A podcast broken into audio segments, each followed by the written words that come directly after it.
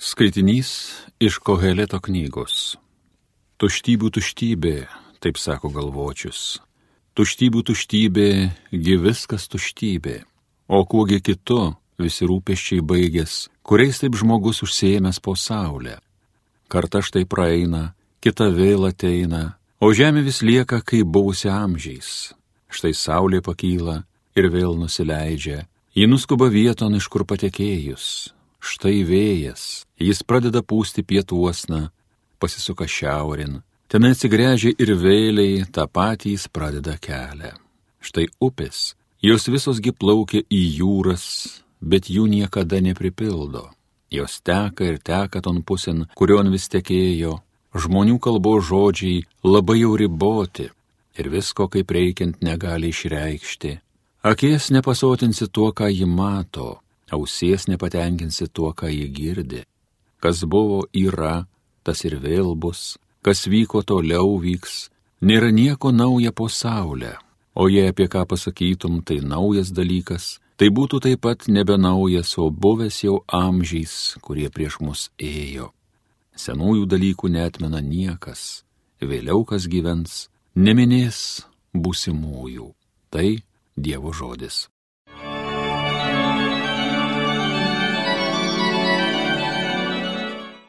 Tu viešpatie iš kartos į kartą buvai mums globėjas. Žmonėms tu liepi sugrįžti į dulkes, grįžki žmonijos vaikai tu byloji, juk tavo akivaizdoj tūkstantis metų, kaip diena vakarykštė, praėjus, kaip nakties prabėgęs ketvirtis. Tu viešpatie iš kartos į kartą buvai mums globėjas. Pašalini žmogų kaip rytmečio sapną, kaip tą žaliuojančią žolę. Ryte jinai žydė žaliuoja, vakare nukirsta jau sudžiūsta. Tu viešpatie, iš kartos į kartą buvai mums globėjas. Išmokyki mus suskaičiuot, kiek dienų mūsų amžiui, kad mūsų širdis išmintinga paliktų. Viešpatie grįžki, ar dar ilgai dėlsi, būki savo tarnams gailestingas. Tu viešpatie, Iš kartos į kartą buvai mums globėjas. Mūsų atgaivinki savo malonę ir šūkausim, džiūgausim per dienų dienas, kol gyvuosim. Būk viešpatie Dieve mums geras, padaryk mūsų rankų darbus sėkmingus, mūsų rankų darbus palaimink. Tu viešpatie iš kartos į kartą buvai mums globėjas. Alleluja.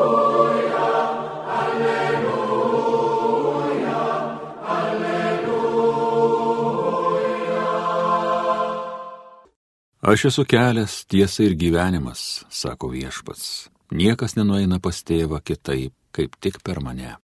Alleluja, alleluja, alleluja. Pasiklausykite Šventojios Evangelijos pagal Luką. Tetrarchas Erodas išgirdo apie visus tuos įvykius ir nežinojo, ką manyti, nes vieni sakė, Jonas Krikštytojas iš numirusių prisikėlęs, kiti pasirodęs Elijas, dar kiti prisikėlęs vienas iš senųjų pranašų. Erodas tarė Jonui, aš nukirzdinau galvą, o kas yra šitas, apie kurį girdžiu pasakojant tokius dalykus. Ir jis panoro pamatyti Jėzų. Girdėjote viešpatie žodį.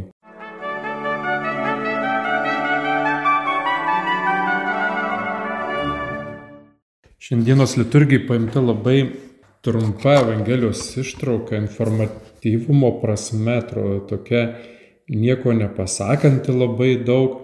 Tetrarchas Erodas, kuris um, latiniškai būtų Erodas Antipas, valdė 21 metais prieš Kristų ir 39 metais po Kristaus Galilėjos ir Perėjos tetrarchas Erodo pirmojo arba didžiojo sūnus, kuris įkūrė Tiberijadą, padarė ją Galilėjos sostinę.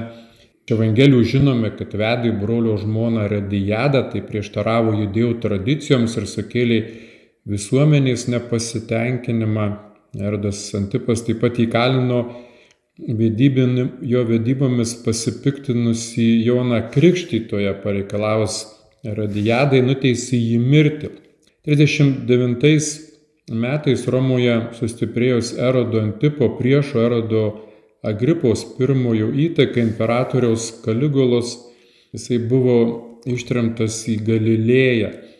Čia tokia truputį informacijos apie Erodą, kas jisai toksai buvo. Ir jis nors nori pamatyti Jėzų, nes žinia plačiai sklinda apie jį. Vieni žmonės jį vadina Jonu Krikštytojų prisikėlus iš numirusių, kurį pats erodo įsakymu buvo nukankintas, kiti vadina garbinguoju pranašu Elyju, dar kiti, kad prisikėlęs kitas kažkuris iš pranašų ir žmonės tokiamis nuogirdomis vadovavosi Kiekvienas turi savo nuomonę apie Jėzų, kas jis tai toks yra. Dauguma žavisi ir stebisi jų daromais ženklais ir stebuklais. Ir Erodas išgirdęs, jis taip pat susidomi Jėzumi ir galvoja, kad Jonui, na, aš nukirzino galvą, tai negali jisai būti, jis negali prisikelti iš numirusių O kas yra šitas, apie kurį girdžiu pasakant tokius dalykus? Garsas apie Jėzų sklinda, nes žmonės negali nekalbėti, kurie patyrė vienokius ar kitokius dalykus iš Jėzus, pagydymus, išmintim susižavėjo. Iš tikrųjų, Jėzus traukė daug žmonių ir skeldamo žodį, nes tas žodis turėjo, šiandienis raštas sako, jėga, kalbėjo Jėzus su jėga. Ir Rodas domisi, na, tas domėjimas privedė jį prie kažkokių konkrečių veiksmų, kvietimų mes Evangelijose nerandame.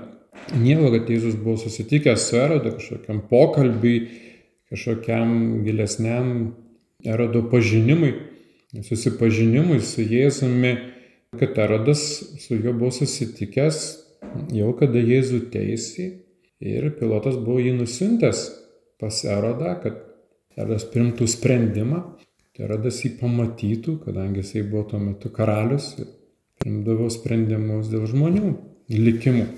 Bet pats faktas įdomus tas, kad jis išgirdęs domisi, kad net ir būdamas tokia prieštaringa asmenybė, tikrai labai morališkai žemos reputacijos žmogus, jisai domisi Jėzumi, galbūt jisai domisi dėl to, kad jau Jėzos populiarumas auga, galbūt jisai domisi tik tai, ką girdė apie Jėzų, nes tas garsas žinia apie Jėzų daromus ženklus ir stebuklus jį sudomina.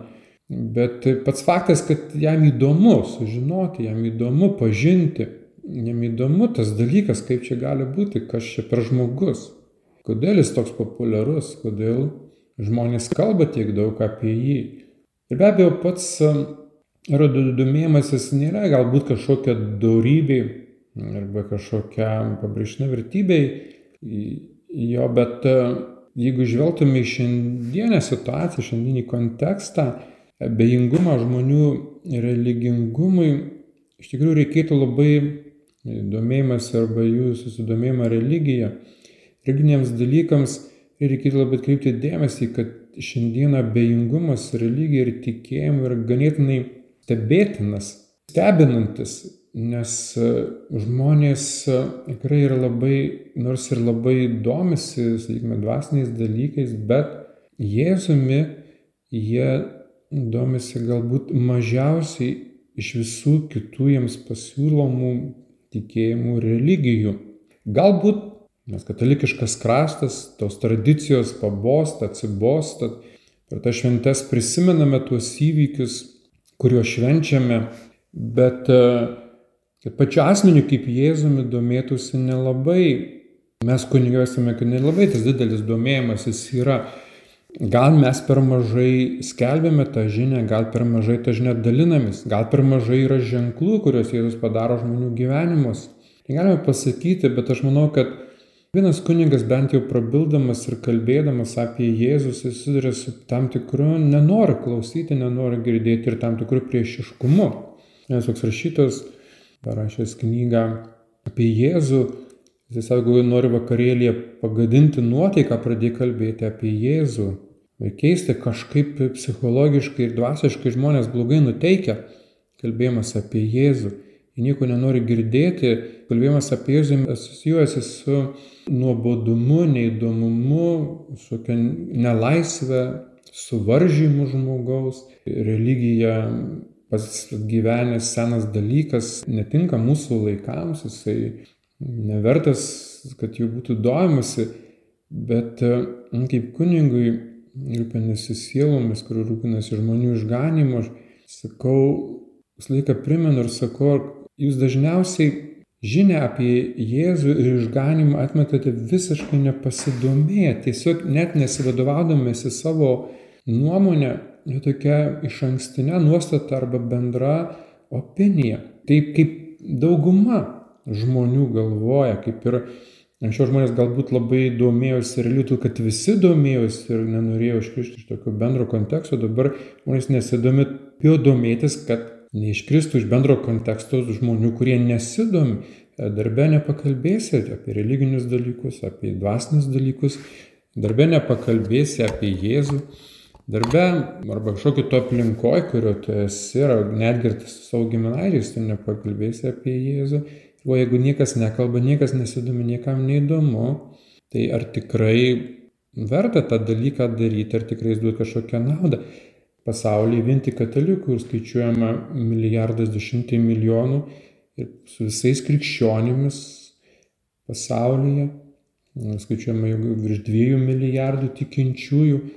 Ir nejaugi tie žmonės kažkokie yra apsikvailinę ir kažkokie nesusipratę, kažkokie klaidingą informaciją tikintys, patikėję, kaip yra labai daug ir stiprių tokių liudijimų, kai žmonės atsiverčia, kai žmonės įsivaduoja iš priklausomybių, kaip narkotikų, lošimų, alkoholizmų, nuodėmės, kuri griovė visą gyvenimą. Ar nėra įdomu, kaip tai įvyko jų gyvenimus? Arba, pavyzdžiui, kodėl žmonės, kurie ruošiasi mirčiai ir kurie yra arti mirties, jiems suteikus sakramentus, Taip lengvai prieima ir išgyvena tą faktą ir taip lengvai pasitinka mirtį ir taip lengvai peržengia tą mirties lengstį. Yra labai daug dalykų, kodėl tiek daug prasideda bažnyčių, kodėl tiek daug kalbama buvo kažkada apie krikščionišką paveldą, kultūrą, kodėl tas taip aktualu ir atrodytų tikrai visi labai gerai supranta, kad šiandieną pagrindinė problema mūsų visuomenėje visų problemų problema, kad žmonės tiesiog netiki Dievą ir neslaiko jo įsakymų atliko to elementaraus įsakymo, kurį Jėzus mums visiems paliko. Mylėkite vieni kitus, kaip aš jūs mylėjau, arba mylėkite Dievą visą savo sybę ir mylėkite vienas kitą, kaip aš jūs mylėjau. Ta pati žinia, tas pats faktas, iš tikrųjų tos kai kurios revoliuciniais tokios mintys, idėjos, kurios atėjo su krikščionybė, kurios davė visai mūsų civilizacijai pagrindą, staiga jų atsisakyti, atmesti, galvojant, čia kažkas pasenę, nebereikalinga ir kažką mes sukursime naujo geresnio, kaip tas naujas geresnis neduoda jokių vaisių, jokio rezultato. Tai šiandienis tekstas jis atrodo toksai nėra, jame daug informacijos, kas išgirdo, kažkas įvertino vienaip, erodas nori pamatyti, nori sužinoti, bet ar tikrai prieš atmetant nereikėtų įsitikinti, prieš atmentant nereikėtų pasidomėti ir labai gražių liudijimų, kai žmonės norėdami sukompromituoti krikščionybę, jie domėjosi ir atrado tikėjimą. Norėdami paneigti krikščionybės faktus, skaitydami Naująjį Testamentą, skaitydami kitus raštus, atrado tikėjimą, atrado Kristų, atrado Dievą. Jie domėjosi norėdami paneigti, norėdami sukompromituoti norėdami atras kažkokius netikslumus, klaidas, išgalvotus dalykus, atrado patį Dievą, patį išganimą. Ta žinia, kuris skelbiama tiek tūkstančių metų, du tūkstančius metų skelbiama ta žinia, visą laiką išlieka nauja. Ta žinia visą laiką išlieka aktuali. Problema iš tikrųjų, kad jis savaime niekada neteis kaip suprantamas dalykas į galvą arba savaime kažkaip susivoks žmogus, savaime kažkaip supras, kaip nuotaikai bus, gal kaip pasens, bet jinai nekviečia mus pasigilinti, išgirsti, įsiklausyti, kad neprarastume arba kad, kažkaip savęs nenuskriaustume, nes mes labai išmintingi visi, labai protingi ir dalykai, kurie mums naudingi, mes visą laiką juos atkreipiame dėmesį. Jeigu tu gyveni dėl amžinybės, gyveni, kad jei pasiruoštum, arba kad išsigelbėtum nuo mirties, kas ir žmogaus jėgoms yra neįmanoma, Ir ta galimybė tau suteikta, kodėl nepasigilinus, kodėl atidėlioti, kodėl galvoti, kad tokia nesvarbi ir nereikalinga, sakau. Jeigu pati liūdniausia žinia yra apie mirtį, artimųjų, apie grėsmę pačio gyvybei, tai kodėl nepasidomėjo žinia, kuri pati linksmiausia apie gyvenimą, apie amžiną į gyvenimą,